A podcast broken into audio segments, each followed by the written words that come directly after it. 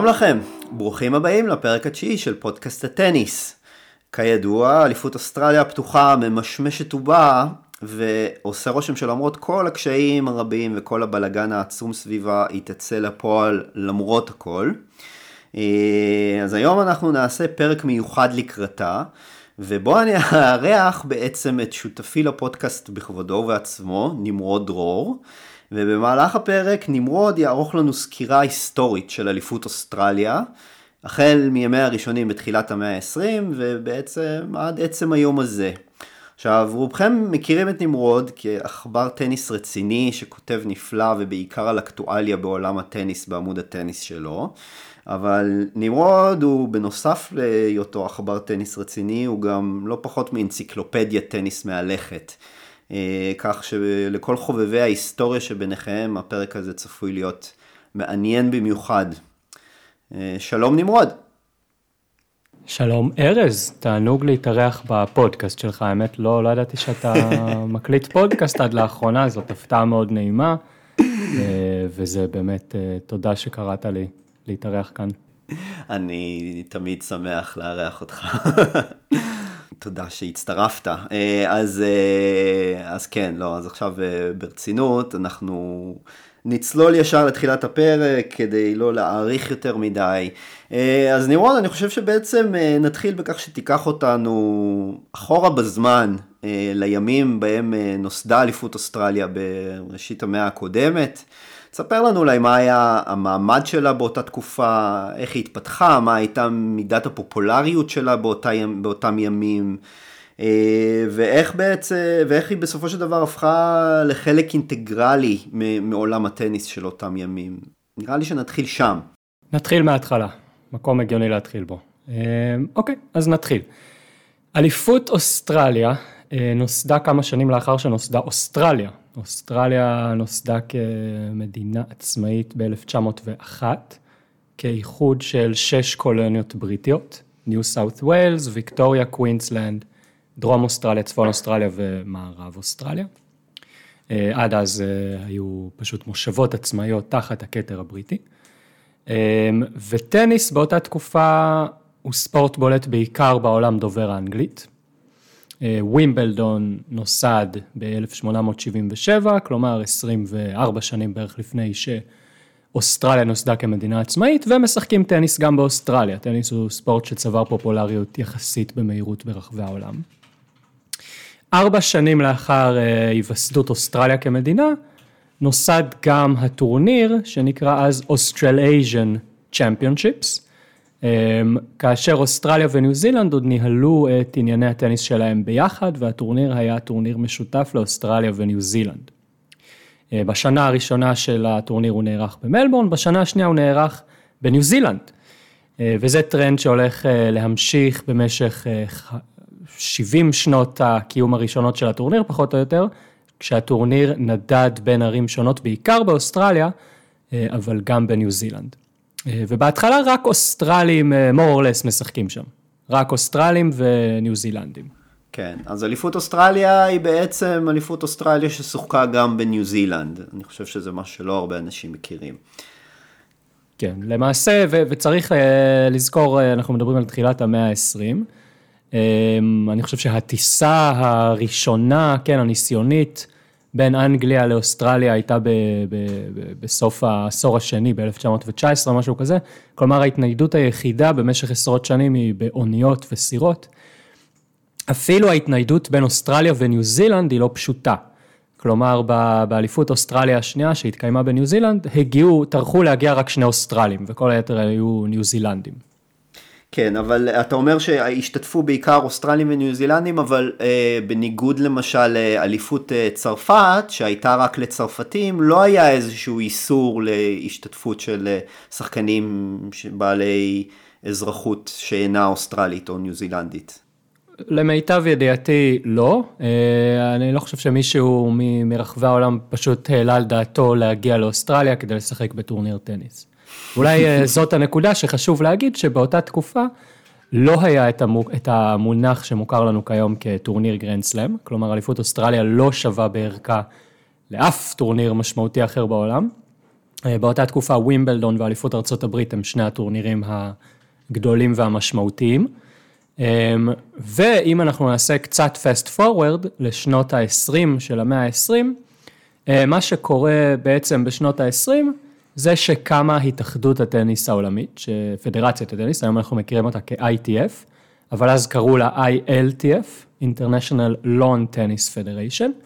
הספורט אז לא כונה טניס אלא לון טניס, בניגוד לריל טניס, שזה ספורט שונה למדי, ובאמת שיחקו על דשא את, את כל הטורנירים המרכזיים, מלבד אליפות צרפת. עוד אנקדוטה לאליפות צרפת, קראו אז hard court world championships, court הכוונה היא לחיימר, ככה זה היה השם של החיימר באותה תקופה. גדול.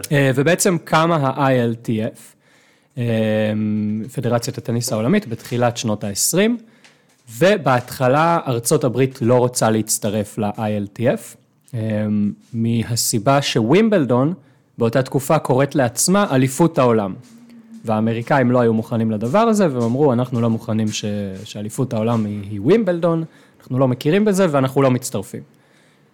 ושנתיים לאחר מכן, ב-1924, 1923 בעצם, ווימבלדון מחליטה לוותר על, ה... על התואר הזה, אליפות העולם, ארה"ב מצטרפת ל-ILTF, ווימבלדון מקבלת כפרס תנחומים, סתם עוד משהו מעניין, שבעצם חוקי הטניס הרשמיים באותה תקופה הם חוקים שהושמו לפיקדון על ידי יוצרי משחק הטניס בהתאחדות הטניס הבריטית. התאחדות הטניס הבריטית מעבירה את, ה, את הסמכות לקבוע את החוקים ל-ILTF וישנה הערה שהחוקים האלה לנצח ייכתבו בשפה האנגלית. זה הפרס הניחומים לווימבלדון, להתאחדות הטניס הבריטית. את כל זה אני מספר למה. מכיוון שכאשר ארצות הברית מצטרפת ל-ILTF, הם בעצם רוצים לעשות איזשהו שיווי משקל בין הטורנירים הגדולים, כי ארצות הברית הרי התנגדו לזה שווימבלדון יהיה הטורניר הגדול בעולם בה"א הידיעה, ובעצם נוצרים ארבעת ה majors. ארבעת ה majors, כמו שאנחנו מכירים אותם כיום, הם כמובן ווימבלדון, אליפות ארצות הברית, אליפות צרפת, ואליפות אוסטרליה, ומ-1925 בעצם, אליפות אוסטרליה באופן רשמי נחשבת לאחד מארבעת הטורנירים הגדולים, ובאותה הזדמנות גם אליפות צרפת נפתחת ללא צרפתים, וככה נוסד המוסד הזה של אה, טורנירים גדולים כמו שאנחנו מכירים אותו כיום. כן, אבל עדיין לא קראו להם גרנד סלאמים, נכון? המונח הזה עוד לא היה בחייהם של אנשים שחיו ב-1925. נכון, המונח גרנד סלאם הוא מונח שאומץ בעצם מעולם הברידג'. אמ, אני לא יודע מה זה אומר בברידג', אבל אה, מה שקרה בעצם זה שהיה טניסאי אוסטרלי אה, בשם ג'ק קרופורד, שהיה בשנות ה-30 אחד מהטניסאים הטובים בעולם. ג'ק קרופורד שיחק וזכה באליפות אוסטרליה, ולאחר מכן נדד בעולם אה, בספינה, וזכה גם באליפות צרפת וגם בווימבלדון. והגיע עד לגמר אליפות ארצות הברית, היה מרחק ניצחון אחד מזכייה בכל ארבעת הטורנירים הגדולים, אה, זה 1933, ולפני גמר אליפות ארצות הברית, כשהוא הולך לשחק מול פרד פרי, זה מהנעליים, אז אה, כותב לנו ג'ון קירן מהניו יורק טיימס, שהוא היה שחקן ברידג', הוא, יהיה, הוא כתב שאם אה, קרופורד ינצח זה יהיה משהו כמו אה, לזכות בגרנד סלאם על המגרשים, כן, שזה אותו מונח שהוא שאל מברידג'. צריך להגיד שלפני הטניס המונח הזה גם מוצמד לזכייה בכל ארבעת המייג'ורים בעולם הגולף. נכון. שזה משהו שנעשה לפני בעולם הטניס ב-1930. אה, אז המונח גרנד סלאם מגיע לחיינו ב-33. והראשון שזוכה בגרנד סלאם זה דון בדג', חמש שנים לאחר מכן, ב-38, הוא אמריקאי אגב, והסיבה היחידה שהוא נוסע לאוסטרליה הרחוקה כדי להשתתף בטורניר הזניח הזה, זה כדי שהוא יוכל להגיד שהוא זכה בגרנד סלאם בכל הארבעה באותה שנה, והוא מצליח לעשות את זה. כן, וחשוב לציין, אנחנו עדיין בתקופה בעצם שהנסיעה הזאת היא לא, היא לא במטוס, היא באונייה, וזה כנראה משהו שלוקח ימים ארוכים, אני משער, אם לא יותר אפילו. כן, אנחנו מדברים על, אה, בהתחלה, כלומר בעשורים הראשונים, הם היו צריכים להגיע בספינות מסע ענקיות, שמאירופה וארצות הברית זו נסיעה של יותר מחודש. אחר כך, אה, בסירות קצת יותר מהירות, זה התקצר לשבועיים. כן, היום הטניסאים מתלוננים על שבועיים בידוד במלון, אבל אז היה שבועיים בידוד בסירה בדרך לאוסטרליה, ולמרות שאליפות אוסטרליה באופן רשמי היא אחד מארבעת הטורנירים הגדולים, לא מתייחסים אליה ככה. אה, טניסאים בינלאומיים לא ממש מגיעים לאוסטרליה, אה, וכמעט כל הטניסאים שמשחקים שם באליפות אוסטרליה הם טניסאים אוסטרלים, וזה משהו שנמשך הרבה מאוד שנים. כלומר, המעמד של אליפות אוסטרליה בשלב הזה הוא עדיין נחות גם ביחס לשלושת המייג'ורים האחרים. אה, ואני רוצה, אז באמת שככה נקפוץ קצת קדימה בזמן. אל, אל תחילת שנות ה-60 של, של המאה ה-20. אז, אז באמת אני רוצה שתספר לנו גם על המעבר בעצם של עולם הטניס למה שאנחנו מכירים כ-open era, לעידן הפתוח, על ההבדל בין ספורט חובבני לספורט מקצועני, המעבר בעצם לתחרויות פתוחות ומה שאנחנו מכירים היום כאליפות אוסטרליה הפתוחה, אליפות צרפת הפתוחה. אה, ו, וגם אני אשמח אם, אם תספר לנו איך למרות שבעצם כבר בתקופה הזו אה, היה כבר, אה, העולם השתכלל טכנולוגית והיה כבר יותר קל להגיע לאוסטרליה גם באמצעות טיסות, אז עדיין התחרות הזאת בעצם נותרה תחרות שהמון המון שחקנים בכירים בחרו גם בגברים גם בנשים בחרו בעצם לא להגיע אליה, אה, או מיעטו להגיע אליה, או לא הגיעו אליה בכלל. אז אה, אפשר לקפוץ לתקופה שאחרי מלחמת העולם השנייה, היא בעצם התקופה הרלוונטית לפני העידן הפתוח. מסוף מלחמת העולם השנייה, הטניסאים האוסטרלים הופכים להיות כוכבי על, הם, הם בעצם שולטים בענף הטניס באופן גלובלי. אמ, לא רק באליפות אוסטרליה, הבולט מביניהם שאנחנו מכירים כיום זה רוד לייבר, אבל הוא לא היה היחיד, איתו היו גם רוי אמרסון, היה טוני רוץ', היה לימים המאמן של אה, פדרר, אמ, היה מאסלס, ג'ון ניוקומב, והיו עוד כמה חבר'ה מובילים, מרגרט קורט כמובן בנשים. לרוי אמ, אמרסון, אם אני לא טועה, יש יותר גרנד סלאמים מלרוד לייבר. נכון, נכון. אנחנו נגיע לזה, אבל למה, ולמה אף אחד לא מדבר על רוי אמרסון כאחד מהטניסאים הכי גדולים בכל הזמנים, אה, וזה יכול באמת להסביר לנו אה, מה, מה היה המעמד של טורנירי גרנד סלאם באותם שנים. אז, אז כאמור, האוסטרלים, אה, החל מסוף מלחמת העולם השנייה, די שולטים בענף. השליטה הזאת מגיעה לשיא בשנות ה-50 ובתחילת שנות ה-60, כאשר מבנה עולם הטניס באותם שנים, הוא כזה שמפריד בין חובבנים למקצוענים, אה, וזאת נקודה שחשוב אה, להבין.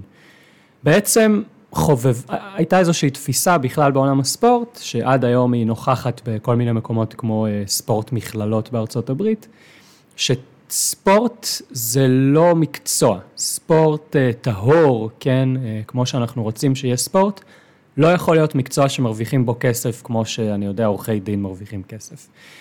אמ, אם אתה רוצה לשחק בטורנירים הטהורים של אה, ענף הספורט, של ענפי הספורט השונים, אתה צריך להיות חובבן. אה, אבל היו אנשים שלא היו מוכנים להסתפק במעמד המוזר הזה של חובבנים, וקם סבב מקצועני. הסבב המקצועני היה, או נגיד את זה הפוך, הסבב החובבני היה סוג של סבב פיתוח לסבב המקצועני. מי שכיכב בסבב החובבני, נקטף לסבב המקצועני, שבו שיחקו כמות, אה, שיחקה כמות קטנה של טניסאים, משהו כמו ארבעה, חמישה, שישה טניסאים וטניסאיות. אה, ואותם טניסאים וטניסאיות שיחקו בטורנירים שסגורים רק למקצוענים, וגם עשו כמו משהו בסגנון של קרקס נודד, בעיקר בארצות הברית, שיחקו כל יום בעיר אחרת. אה, חשוב לזכור שהטלוויזיה זה, זה משהו בהתחלה לא קיים, אחר כך שולי, ככה שלא היה לך שידורי ספורט חיים. אבל זה הכל? זה היה באמת מדובר רק בארבעה, חמישה, שישה שחקנים? זה... כן, כן. ממש מעט. משהו באזור הזה. בהתחלה בכלל, בהתחלה זה היו רק שניים, שלושה. אה, שני טניסאים שכתפו אותם, והם עשו מין קרקס נודד כזה. אה, הראשונים שהיו, כן, בשנות ה-30 זה, זה ביל טילדן. אה, ביל ג'ונסון, אבל לא משנה, זה, זה כבר ממש היסטוריה עתיקה, אבל אם אנחנו מסתכלים על שנות ה-50 וה-60, הטניסאי הכי בולט, שעד היום מביני עניין, כן, יגידו לך שהוא מהגדולים בכל הזמנים, קראו לו פאנצ'ו גונזלס. אם תסתכל על הרקורד שלו בגרנדסלמים, אין לו שפע של זכיות, מכיוון שהוא נקטף מהסבב החובבני בגיל מאוד מוקדם לסבב המקצועני כדי לככב שם. וכמו שהזכרתי, הגרנדסלמים, כן, היו טורנירים חובבניים. מקצוענים לא הורשו להשתתף בהם. כך שבעצם, נעשה שוב זום ככה ל-1962, זה הגרנד סלאם הראשון שזוכה בו רוד לייבר. רוד לייבר זוכה בכל ארבעה טורנירי הגרנד סלאם באותה שנה, ב-62, ומה שקורה באופן טבעי זה שהוא נקטף לסבב המקצועני.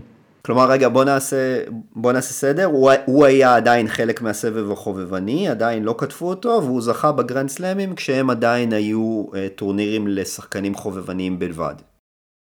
נכון, זה ב-62, הגרנד סלאם הראשון שלו, אחר כך הוא זוכה בעוד אחד. אמ, אבל אז קוטפים אותו באמת לסבב המקצועני, ושם הוא משחק נגד שחקנים כמו קן רוזוול, לו הואד, שזה עוד אה, אוסטרלי אה, מצוין, אנדרס גימנו ופנצ'ו גונזלס שהזכרתי קודם, הם חמישה שחקנים more or less שמשחקים בסבב המקצועני. כשרוד לייבר, אגב לייבר בהתחלה מפסיד שם בסבב המקצועני, כן, הוא היה החובבן הטוב בעולם, זכה בגרנד סלאם, אבל בסבב המקצועני יש את הטניסאים באמת הכי טובים בעולם. רוזוול והוד ניצחו אותו אה, לא מעט. אה, ובעצם אחרי שלייבר נקטף לסבב המקצועני, אז רוי אמרסון משתלט על הסבב החובבני, זוכה בכל הגרנדסלמים שלו, אבל אף פעם לא נקטף לסבב המקצועני. למה בעצם? למה, למה בעצם לא כתפו גם אותו? אה, מתוך איזושהי מחשבה, כנראה, אני לא יודע אם מוצדקת, שהוא לא, לא ברמה של אה, לייבר ורוזוול וגונזלס וכולי. אה, הוא לא, הוא לא מספיק מעניין, לא מספיק טוב, וגם היו מספיק אוסטרלים שם כבר בסבב המקצועני, זה לא היה שוק שהיה חסרים בו, היו חסרים בו שמות. אה, לכן, כן, אה, אמרסון עם ה-11 גרנדסלמים שלו, 12 גרנדסלמים, לא נחשב לאחד מהטניסאים הגדולים בכל הזמנים, כי באותה תקופה שהוא שיחק, היו טניסאים טובים יותר ששיחקו, הם פשוט היו בסבב המקצועני והוא היה בסבב החובבני. אה, אבל סטינו ככה, אני חושב, מה, מהנושא של אליפות אוסטרליה. אה, אז, אז, אז נחזור, כן, בשנות ה-60, אה, בגלל ההצלחה של הטניסאים האוסטרלים, אליפות אוסטרליה צוברת קצת יותר מעמד, יש טניסאים טובים שמגיעים לשם, אבל עדיין הרוב המוחלט של הטניסאים שמשחקים באליפות אוסטרליה הם אוסטרלים. סתם בשביל האווירה, אני רוצה לקרוא קטע קצר ממאמר שכתב אדריאן קוויסט. אדריאן קוויסט הוא עד היום שיאן הזכיות בזוגות באליפות אוסטרליה, זכה עשר פעמים בטורניר הזוגות שם, שלוש פעמים ביחידים. ב-67 הוא כבר uh, צופה, הוא כבר לא שחקן, אה, והוא כותב, אה, מרכז, אה, מגרשי הטניס ב War Memorial Drive באדלייד, 67, כן? הטורניר לא נערך, הוא נערך כל שנה בעיר אחרת באוסטרליה, הפעם זה באדלייד, בדרום אוסטרליה. הם רק כמה דקות ממרכז העיר, אה, מקום אידיאלי לאיצטדיון ספורט, טה טה טה.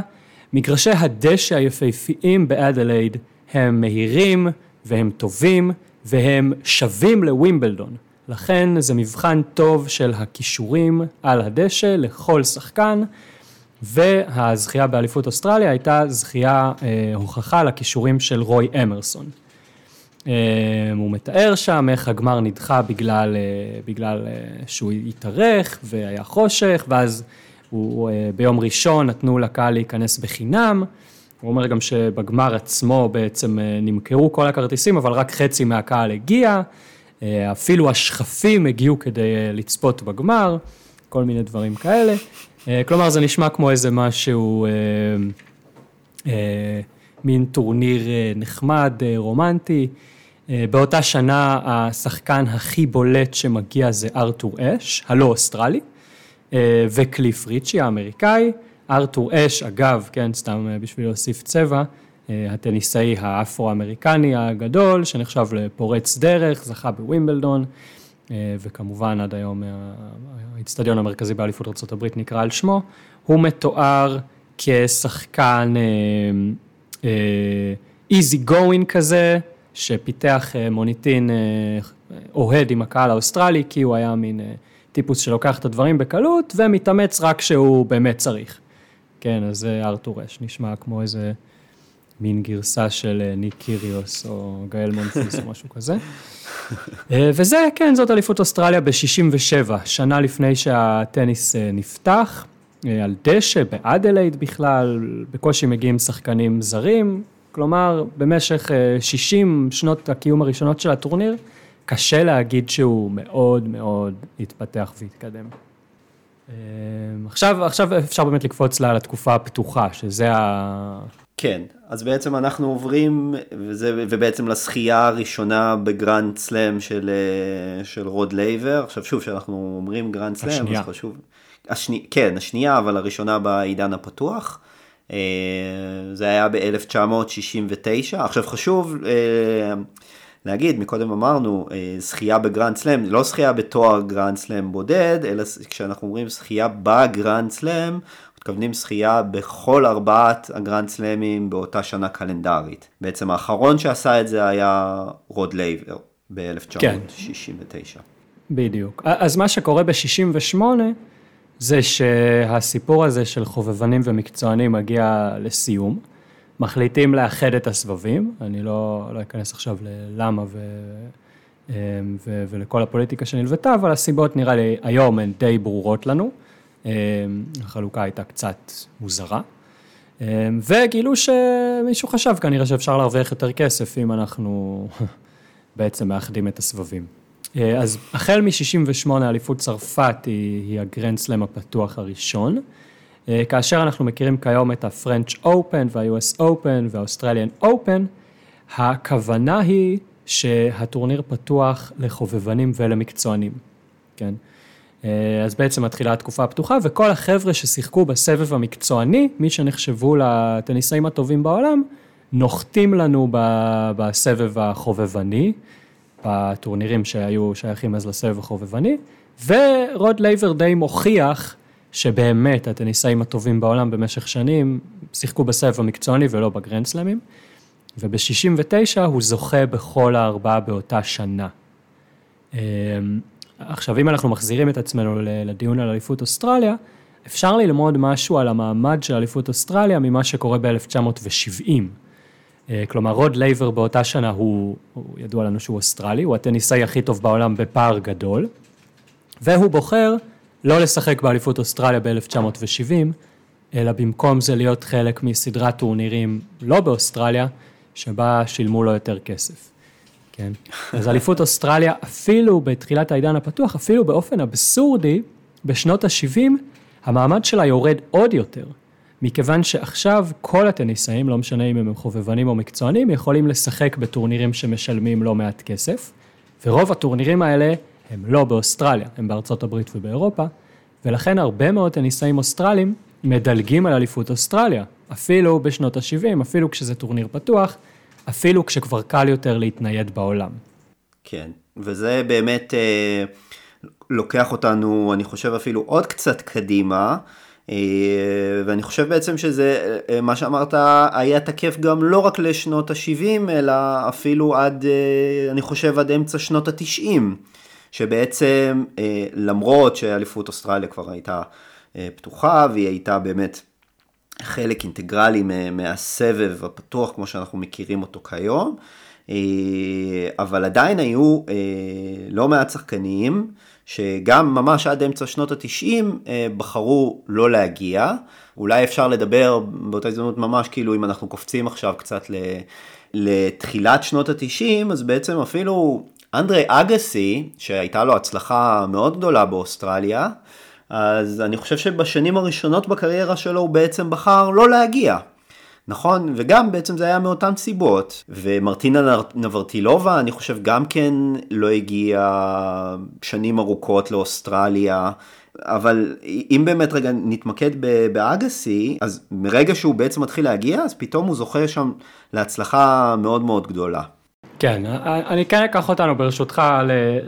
איך, איך אליפות אוסטרליה כן לאט לאט, וזה היה תהליך, השתחררה מהכבלים האלה של אה, להיות טורניר זניח.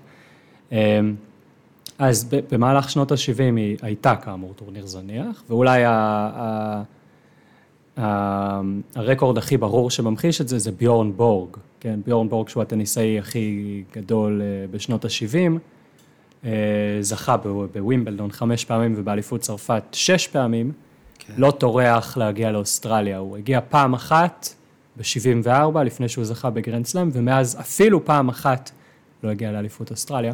ובעצם אה, התאחדות הטניס העולמית אומרת לאליפות אוסטרליה, חברים, אם אתם רוצים להמשיך לארח את אחד מה-Big Four, אתם צריכים להתאפס על עצמכם. אה, אז הם עשו שני דברים. דבר ראשון, אליפות אוסטרליה החליטה שהיא ממקמת את הטורניר רק במלבורן, כלומר הופכת את מלבורן לאיזשהו בסיס בלעדי, עד אז הטורניר כזכור נדד. אמ, ודבר שני, התחילה לעבוד על פיתוח מרכז טניס חדשני שמתאים ל... לאירוח של גרנד סלאם, עד אז הטורנירים הורחו באיצטדיון בקויונג, שזה איזשהו פרבר של מלבורן שעד היום יש בו טורניר ראווה אה, שנתי, אה, וב-1988, סוף שנות ה-80, יוצא לדרך הטורניר בפלינדרס פארק, שהיום אנחנו מכירים אותו כמלבורן פארק, אה, והטורניר גם אה, הופך מטורניר דשא, כל השנים הוא היה על דשא, הופך לטורניר על משטחים קשים. עכשיו אם אנחנו מסתכלים על נתוני אה, כמה אנשים הגיעו לצפות בטורניר, אנחנו, כלומר ממש אנשים שהגיעו לאצטדיונים, כן, לא אנשים בטלוויזיה, ב-87, השנה האחרונה בקויונג הגיעו כ-140 אלף, שאגב, היה, זאת הייתה כמות מאוד גדולה יחסית. כבר ב-88 הכמות כמעט מוכפלת, מגיעים סדר גודל של 250 אלף. Mm-hmm. כלומר, המעבר היה הצלחה מסחררת, וזה חשוב להבין שמבחינה כלכלית זה קריטי. כי אם אתה מצליח להכפיל את כמות הכרטיסים שאתה מוכר, כמובן, כל האווירה והכל משתנה לחלוטין, אז, אז גם הזכויות שידור נהיות יותר יקרות, ובעצם אתה הופך להיות מטורניר שלא מסוגל אה, אה, לממן לשחקנים שלו שהייה נורמלית, לטורניר שמרוויח כסף, ועל כל מה שמשתמע מכך גם עבור השחקנים.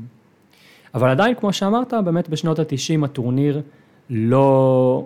קשה להגיד שהוא באותו מעמד כמו הגרנדסלמים האחרים, והדוגמה של אגסי היא באמת מאוד בולטת. עכשיו, לאוסטרליה הייתה, יש עוד בעיה, החל מאמצע שנות ה-80 יש לה גם תאריך קבוע, מה שלא היה עד אז, שזה התאריך שאנחנו מכירים אותו, אמצע ינואר. אמ, אז לא רק שאוסטרליה רחוקה, עד היום היא רחוקה, זה לא השתנה, אלא גם הטורניר מתקיים מיד אחרי החגים אה, החשובים של, אה, של העולם המערבי, הנוצרי, אה, שזה Christmas וה-New Year's, כן, שזה חג אזרחי, אבל שבכל זאת מאוד מרכזי. טניסאים לא כל כך בא להם לוותר על ה-Christmas ועל חופשת ה-New Year's בשביל להתאמן לאליפות אוסטרליה. מי שרציני גם כמובן צריך להגיע לאוסטרליה מוקדם כדי לא לסבול מג'טלג וכולי. ואגסי באמת עד 95, כן, ב-95 כבר לא הייתה לו את הפאה ולא היה לו את השיער והוא כבר היה קרח, כן, זה כבר אנדרי אגסי בגלגול השני שלו מתוך uh, שלושה ארבעה גלגולים. Uh, מגיע לאוסטרליה ועל השנה הראשונה הוא זוכה, באוטוביוגרפיה שלו הוא כותב uh, שהוא לא מבין למה לקח לו כל כך הרבה זמן להגיע לאוסטרליה. והתנאים שם התאימו לו מאוד, כי הוא גדל בלאס וגאס, שגם שם מאוד חם. אמ, וכן, ואגסי בעצם זוכה ארבע פעמים באליפות אוסטרליה, מתוך כולה תשע פעמים שהוא השתתף במהלך הקריירה. צריך כן. לזכור קריירה מאוד מאוד מאוד ארוכה. והוא לא היה היחיד, נכון? כלומר, זה לא היה איזושהי תופעה יוצאת דופן באותם ימים. אני חושב שבשנות אמ, ה-90 זה כבר כן היה יחסית יוצא דופן. אה, כלומר, אם אנחנו מסתכלים, סתם, אני הסתכלתי ככה לפני, ה... לפני שהתחלנו להקליט את הפרק, על כל מיני טניסאים בולטים אחרים משנות ה-90, כמה הם כן השתתפו או לא השתתפו בטורניר. אז אם אנחנו מסתכלים לצורך העניין על, על פיט סמפרס, הוא השתתף באליפות אוסטרליה 11 פעמים, לעומת 14 בווימבלדון ובארצות הברית. או אם אנחנו מסתכלים על, על סטפי גרף, היא השתתפה באליפות אוסטרליה 10 פעמים, לעומת 14 אה, בווימבלדון ובאליפות ארה"ב. אז אה, אליפות אוסטרליה זה מין טורניר כזה שאפשר לוותר עליו, כלומר אם אתה קצת פצוע, קצת עייף, קצת צריך להאריך את ה-off season, אתה עושה את זה, אבל uh, המקרה של אגסי הוא בכל זאת יוצא דופן, אם כי הוא ממחיש שבאמת בשנות ה-90 עדיין, כן, 90 שנה אחרי שהיא נוסדה, אליפות אוסטרליה, ו-70 שנה אחרי שהיא הפכה לאחד מהביג פור, עדיין לא הייתה ממש באותו מעמד של שאר הגרנדסלמים. יש לי גם שאלה, אה, שאלת פולו-אפ לגבי באמת המעבר למגרשים הקשים. אז קודם כל, כש, כשהם באמת עברו למגרשים קשים, אז תקן אותי אם אני טועה, ב-US Open עדיין שיחקו על דשא באותו שלב, נכון? כלומר, הם היו בעצם הגרנדסלם הראשון שעבר למגרשים קשים? לא, זה לא, לא נכון. אליפות ארה"ב עברה למגרשים קשים בסוף שנות ה-70. הקדימה את אליפות אוקיי. אוסטרליה בערך בעשור. אבל אה, אפשר, אה, מה שכן אפשר להגיד זה שאליפות אוסטרליה עברה למגרשים קשים שונים. אה, היא עברה למגרשים שנקראו ריבאונד אייס, שהיה, הייתה, אני, אני באמת לא יודע להסביר את זה מבחינת הנדסת חומרים, כן? אבל הייתה איזושהי שכבת גומי במגרשים האלה, ובחום הקשה של אוסטרליה, שחקנים התלוננו שזה מרגיש כאילו הנעליים שלהם נדבקות למשטח, היו שם הרבה מאוד התרסקויות על המגרש ופציעות ודברים כאלה. המגרש גם היה משמעותית יותר איטי מזה של אליפות ארה"ב, אה, וזה השתנה רק ב-2008 כשהם עברו לסוג של משטח אחר שנקרא פלקסיקושן. בשנה שעברה הם עברו לסוג משטח שלישי, גרינסט, אה, אבל בהתחלה המגרשים, המשטחים הקשים שם היו די שונים מאלה של ארה"ב. אה, בואו נדבר קצת על, על, על השמות הבולטים של אליפות אוסטרליה הפתוחה, אלו שאנחנו מכירים כיום, גם בגברים וגם בנשים. דיברנו אז, הזכרנו את אגסי, בואו נדבר על האחרים גם. אה, כן, אז, אז תראה, שוב, אולי אפשר אה, להפריד, כן, בין העידן הסגור, נקרא לזה, כן, לפני 69, לעידן הפתוח, המודרני, שגם קצת יותר מעניין. אה, אם אנחנו מדברים על לפני 69, רוי אמרסון זכה שם בשישה תארים, חצי מהתארי גרנדסלאם שלו היו שם. אחר, בעידן הפתוח, זה שבאמת קצת אה, יותר מעניין אותנו ויותר קרוב לטניס המודרני. אה, מי ששלטה באליפות אוסטרליה יותר מכל אחת אחרת, זאת סרינה וויליאמס בנשים, שזכתה שם שבע פעמים, ונובק ג'וקוביץ' בגברים, שזכה שם שמונה פעמים. אמ, והרקורד של ג'וקוביץ' הוא די, די מדהים, אני חושב כי אליפות אוסטרליה לא שונה מהותית בתנאים שם מאליפות הברית, כן? שני גרנדסלמים על משטחים קשים. אמ, אף טניסאי לא הצליח להגיע לרמת דומיננטיות כזאת באליפות הברית, אה, וזה גם די הגיוני, כי משטחים קשים זה, זה סוג של משטח אה, דמוקרטי. כלומר, הוא לא בבירור מעדיף את הסגנון משחק של אף אחד על פני הסגנון של אחר. כן, זה המשטח שלצורך העניין פדרר וג'וקוביץ' ונדל, הכי שווים בו, כן, אם בחיימר אנחנו יודעים שאפשר לפתח מיומנות מאוד ייחודית וגם בדשא, אמ, במשטחים קשים זה לא המצב, לכן השליטה של ג'וקוביץ' היא משהו די מפתיע ושדי קשה להסביר. אמ, אבל אין ספק שג'וקוביץ' הוא הטניסאי הכי בולט ב-15 שנים האחרונות בכלל, בפרט, אבל בכלל בהיסטוריה של אליפות אוסטרליה לא היה דבר כדוגמתו. כן, אני, אני מסכים, אני חושב גם, כאילו, אנחנו, אמנם ג'וקוביץ' הוא, הוא טניסאי אה, בן דורנו, אבל uh, אני חושב שגם בעוד uh, עשרות שנים יהיה לו, יהיה לו פרק מאוד מאוד מכובד בהיסטוריה של אליפות אוסטרליה, ואם מישהו יבוא ויקליט גם כן פרק על ההיסטוריה של אליפות אוסטרליה, אז ללא ספק השם שלו יהיה שם שיעלה בפרק הזה. כן, אני, אני חושב ש... מעבר לזה שישנם שחקנים שממש אה, העלו את קרנה של האליפות, כמו ג'וקוביץ', כמו פדרר שזכה שם אה, שש פעמים, אבל אה, היו גם משחקים מאוד מאוד מאוד משמעותיים וגדולים באליפות אוסטרליה, משהו שם גם במשטח ובמעורבות של הקהל, והגג הנסגר אגב, אליפות אוסטרליה הייתה נכון. טורניר הגרנדסלאם הראשון ש... שהיה באיצטדיון עם גג נסגר, משחקי הלילה. כן, זה עוד אה, בשנות ה-80, נכון? כן, כן, כן. אה, באמת הייתה חדשנית בקטע הזה, עכשיו לכל הגרנדסלמים יש, אבל היא הייתה הראשונה בי פאר, כלומר... אה, אז uh, היו שם באמת משחקים uh, יוצאי דופן, כבר בשנות ה-90 היו משחקים ש... שצברו המון תשומת לב, זכורים מפגשים גם בין סמפרס לאגסי, בין היתר הגמר של 95. אה, סמפרס שם היה לו משחק אה, מאוד מפורסם נגד ג'ים קורייר, אחרי שהוא גילה שהמאמן שלו אה, חולה בסרטן המוח ולא כן. נשאר לו הרבה זמן בחיים בעצם, והוא נשבר על המגרש והתחיל לבכות מול קורייר, קורייר אמר, פיט, we can do this tomorrow, סמפרס בסוף ניצח כן. והפסיד לאגסי בגמר. היו משחקים בין רפטר לאגסי, אחר כך בתחילת שנות האלפיים היה את המשחק. שהיה, אז חשבנו שלא לא נראה עוד דבר כזה שנים, כן, בין פדרר לסאפין, כן, מי שזוכר. עם ה-match point שפדרר פספס בחצי כן, גמר. הוא פספס tweener ב-match point. אה, אז באמת, איכשהו באליפות אוסטרליה, אני חושב שהייתה כמות קלאסיקות אדירה, כאילו, כן, גם אה, פדרר מול נדל אחר כך, אה, נדל מול ג'וקוביץ' ב-2012. כן. אבל כל שנה, כל שנה, איכשהו המשחקים הכי טובים, כן, אם אתה מסתכל על המסה של המשחקים הכי טובים, אין, אין מתחרה לאוסטרליה, ואני באמת קשה להסביר גם, למה. אני חושב גם שאם אנחנו מסתכלים על, על בוא נגיד, חמש, שש, שבע שנים האחרונות, אני חושב שהגרנד סלאם אה, אה, ב-2017 באוסטרליה, היה, אני חושב, בפער הגרנד סלאם הכי, הכי מרתק שהיה לנו בשנים האלה. כלומר, היו שם כל כך הרבה סיפורים מדהימים בגרנד סלאם הזה. אה, הגמר של, אה, של נדל מול פדרר, אחרי ששניהם אה, חזרו מפציעה של חצי שנה, אחרי שלא שיחקו בסבב משהו כמו סדר גודל של חצי שנה. הגמר של, של, של וינוס מול סרינה.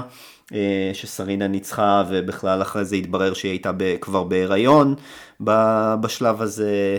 אז זה, זה אני, אני חושב כאילו הגרנדסלם שאני הכי זוכר אה, מבין כל הגרנדסלמים של השנים האחרונות כסלם הכי מיוחד. ואני חושב גם שכמו שאמרת לי אתמול כשדיברנו על אה, לעשות את הפרק הזה, אז אני חושב שאוסטרליה היא באמת סוג של הברווזון המכוער, כאילו באמת אם אנחנו מסתכלים היסטורית אז היא התחילה כ...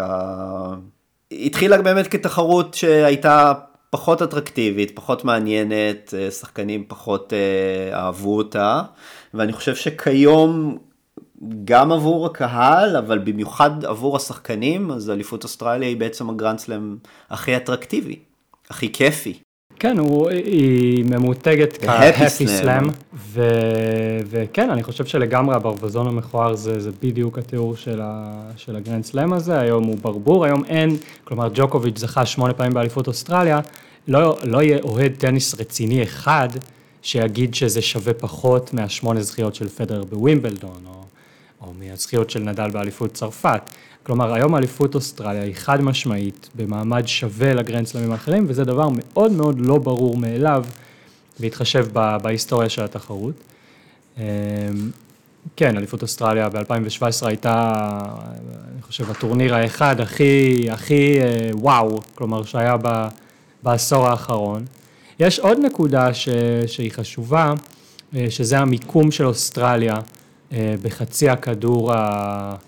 עמוק בתוך חצי הכדור המזרחי, אמ, כאשר אה, הטניס, המוקד שלו במשך כל השנים היה אירופה, ארצות הברית ובחלק מהשנים אוסטרליה, ובשנים האחרונות הרבה מהמוקד עובר לאסיה. אמ, ואוסטרליה היא באותו טיים זון, טיים זון דומה לזה של קוריאה, יפן וסין, השוק הענק.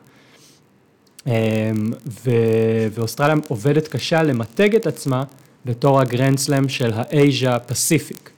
אה, כלומר, הגרנד סלאם גם של אה, כל המדינות ששוכנות לחופי האוקיינוס השקט, אה, ביניהן המדינות האסייתיות, היא מעניקה כל שנה כרטיס חופשי לטניסאי אסייתי שזכה במשחקים האסייתיים, היא משלמת את נסיעותיהם של נערי כדורים שנבחרים ממדינות באסיה, ואנחנו רואים את זה כ...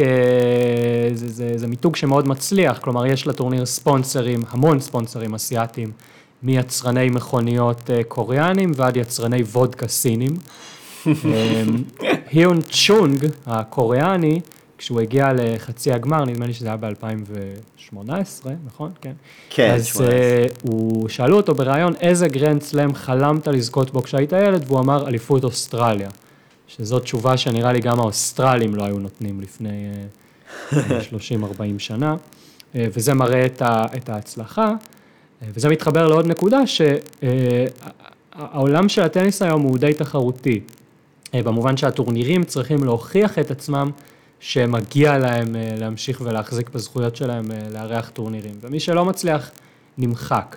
בגרנדסלמים לא היו שינויים כבר, אה, עוד מעט אנחנו חוגגים 100 שנה להיווסדות הביג פור, אבל במקומות אחרים בסבב השינויים מאוד בולטים. ב-WTA זה הכי בולט, כמעט כל הטורנירים אחרי אליפות ארה"ב, בשנה שהיא לא שנת קורונה, נערכים במזרח, במיוחד בסין, אה, שזה אגב חזר אליהם כמו בומרנג בשנה של הקורונה, אבל נכון. זה סיפור אחר. גם ב-ATP, כן, טורניר המאסטרס בשנגחאי לקח את מקומו של אה, טורניר המאסטרס שהיה במדריד, באולמות, אה, ובשנגחאי בנו שם facility שלא מבייש גרנד סלאם, והסינים, אה, אם תשאל אותם, היו שמחים לשים את ידיהם על המשבצת הזאת גם של אליפות אוסטרליה. כך שאליפות אוסטרליה לא, כמובן אלה רק שיחות תיאורטיות, כן, אנחנו לא, לא יודעים האם, האם יש היתכנות, האם ה-ITF אי פעם שקלו או ישקלו ברצינות לבטל טורניר גרנדסלאם ולהחליף אותו באחר, או להוסיף טורניר גרנדסלאם חמישי, היו על זה אגב שיחות בהקשר של אינדיאן ווילס בשנים האחרונות, אבל אולי גם בהקשר של שנגחאי, ישנן אה, שיחות אה, דומות כאלה, אה, ואליפות אוסטרליה יודעת שאם היא לא תמשיך להתהדר בטורניר המאוד מאוד מוצלח שהיא מארגנת, ביום מן הימים לא, לא בטוח ש, שכן, שהסידור הזה יישאר לנצח. אה, וזאת נקודה גם חשובה, כן, אה, חייבים להמשיך להשתפר, זה נכון לכל הגרנדסלמים. אה, טוב, כן, זה באמת אנחנו אבל קצת גולשים פה מ... מה, מהנושא של ההיסטוריה של אליפות אוסטרליה עצמה, אבל אני חושב שזה נושא מרתק כשלעצמו, לגבי באמת המעמד של הסלאמים, והאם הוא ישתנה, והאם באמת פתאום, אוקיי, יהיה לנו עכשיו אליפות סין הפתוחה במקום אליפות אוסטרליה הפתוחה, זה... זה דברים שקצת קשה לנו לדמיין, כאילו, בעולם שאנחנו חיים בו, כי זה כבר משהו שכל כך התייצב בתודעה שלנו. כן, כן, אי אפשר לדעת איך אה, ייראה העתיד. כן, אף אחד מאיתנו לא חזה שנת קורונה, אה, ובהתאם אף אחד לא, לא יכול לחזות מה יהיה בעתיד. אגב, אני חושב שיכול להיות שזאת אחת הסיבות ש, שהטורנירים כל כך נלחמים כדי לקיים אה, את, ה, את הטורנירים, גם למרות כל הקשיים, כן, כי, כי הם בתחרות, צריך לזכור תמיד. אם, אם אליפות צרפת לא תתפקד, יהיו שלל... מועמדים אחרים שירצו לארח את הטורניר במקומם. כן, חוץ מווימבלדון אני חושב, שהוא יש לו מעמד שכבר מעוגן, ואולי יש מצב שאגב בגלל זה הם גם לא חששו מלבטל יחסית בשלב מאוד מוקדם, ה... הם למעשה בעצם היו הגרנדסלם היחיד שביטל לחלוטין את התחרות שנה שעברה, ב-2020, ואני חושב שבאמת גם עשו את זה בשלב מאוד מוקדם יחסית, אני חושב שכבר באפריל או תחילת מאי הם כבר הודיעו שהגרנדסלם לא יתקיים. כן, היו לזה גם סיבות כלכליות סיבות כמובן. סיבות כלכליות, כן. כן, שהיה להם ביטוח, והם יכלו לקבל את כל הכסף חזרה, ביטוח נגד בדיוק, מגפות. כן. אבל, אה, יכול, אבל אני, אני, באמת, אני חושב שכאילו שאם אנחנו מסתכלים באמת על המעמד של כל הגרנד סלאמים, אז ווימבלדון הוא בעצם איזשהו סמל סטטוס, סטטוס שעומד בפני עצמו. לגמרי, לגמרי. ו... וראינו את זה ארז, נכון? כשהיינו שם בווימבלדון אה, לפני שנתיים אה, וחצי, ב-2018, כן. ראינו איך נראה מקדש טניס. אבל על זה, על זה אולי נדבר בפעם אחרת. אחרת. כן. טוב, אז uh, אני חושב שנסיים, היה מרתק. אני באופן אישי, כמו שאתם רואים, אני בעצמי uh, לא ידעתי 90% מהדברים שנמרוד דיבר עליהם כאן. אנחנו מאוד מקווים שנהניתם מהפרק. אנחנו נחזור בקרוב עם uh, פרקים נוספים לקראת אליפות אוסטרליה. לחלוטין, תודה ארז שאירחת אותי בפודקאסט. מקווה שעוד יצא לנו לדבר ביחד על הבמה הזאת. כן, בהחלט. תודה נמרוד, תודה רבה, תודה לכם, ולהתראות.